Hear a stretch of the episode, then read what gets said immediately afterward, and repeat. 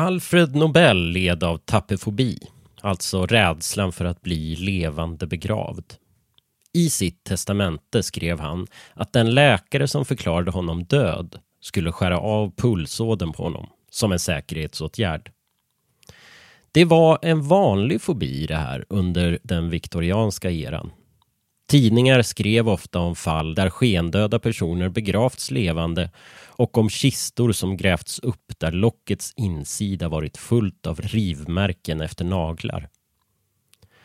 Den ryske greven, ursäkta uttalet, Mikhail de Karnis Karnicki till och med bevittnade en begravning av en tioårig flicka som vaknade i sin kista av ljudet när jord kastades ner på locket. Han sa i efterhand att han aldrig skulle glömma hennes skrik. Han stängde in sig i ett slott i fyra år. När han kom ut hade han uppfunnit en kista i vilken man inifrån kunde signalera efter hjälp och förses med frisk luft och till och med få lite ljus om det skulle dröja innan hjälpen kom. Kistan var försedd med en liten lätt glaskula som hängde strax ovanför likets bröstkorg. Och om personen i kistan rörde på sig och kom åt glaskulan utlöstes en fjäder varpå ett rör som gick ner i kistan skulle öppnas och släppa in luft. Uppe på kyrkogården började en bjällra att ringa och en fyra meter hög flagga sköts upp i luften. Jag lägger upp ett foto på Instagram så kan ni se hur kistan såg ut. Albin Boman heter jag där. Inga mellanslag. Imorgon, måndag, är det premiär för den tredje säsongen av Succession. Det becksvart satiriska dramat om den stormrika mediefamiljen Roy med en strålande Brian Cox som familjens överhuvud Logan Roy. Som en uppladdning inför morgondagens premiär vill jag prata om en bjällra som förekommer i en film som Brian Cox tidigare varit med i.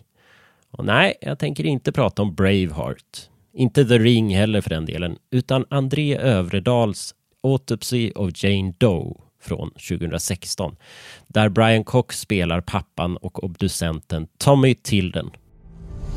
No ID, no fingerprints in the system. For now, she's a Jane Doe. He needs my help right now. 11 o'clock, I'm all yours. Subject is in her mid to late 20s. Hair brown. Eyes gray. Filmen handlar om Tommy och hans son Austin som råkar ut för mystiska fenomen när de obducerar en oidentifierad kvinna, alltså en så kallad Jane Doe.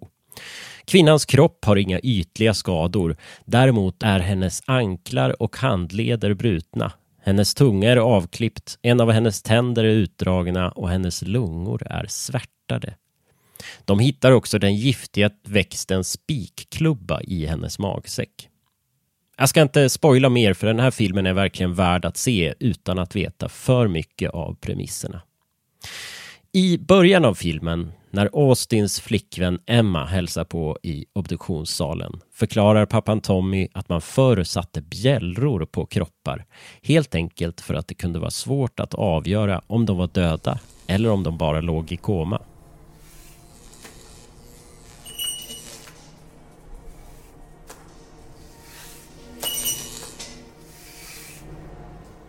Ja, ni förstår kanske vart det här kommer att leda.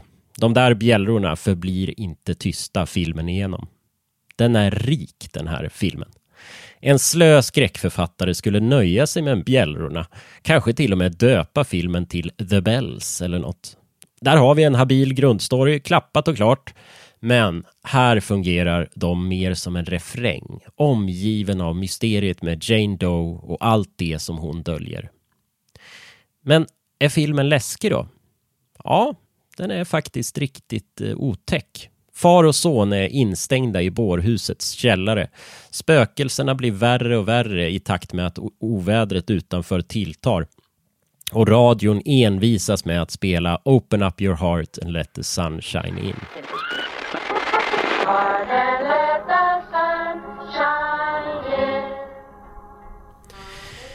Det är påträngande klaustrofobiskt filmen igenom. Känslan av cellskräck och bjällrorna på liken får mig att tänka på Edgar Allan Poes För tidigt begravd. Jag försökte skrika. Läpparna och den torra tungan gjorde en samfälld krampaktig ansträngning, men inte ett ljud kom ur de håliga lungorna. De trycktes ihop som av ett bergs tyngd. Jag flämtade och hjärtat bultade för varje mödosamt andetag.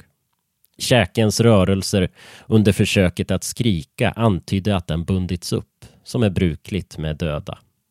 Jag kände också att jag låg på något hårt och att något liknande också tryckte mot kroppens sidor. Hittills hade jag inte vågat röra på mina lemmar men nu slog jag häftigt uppåt med armarna som legat utsträckta med korsade handleder. De slog emot solitt trä som fanns på mindre än sex tums avstånd från mitt ansikte. Jag kunde inte betvivla att jag slutligen vilade i en kista. I'll be right back.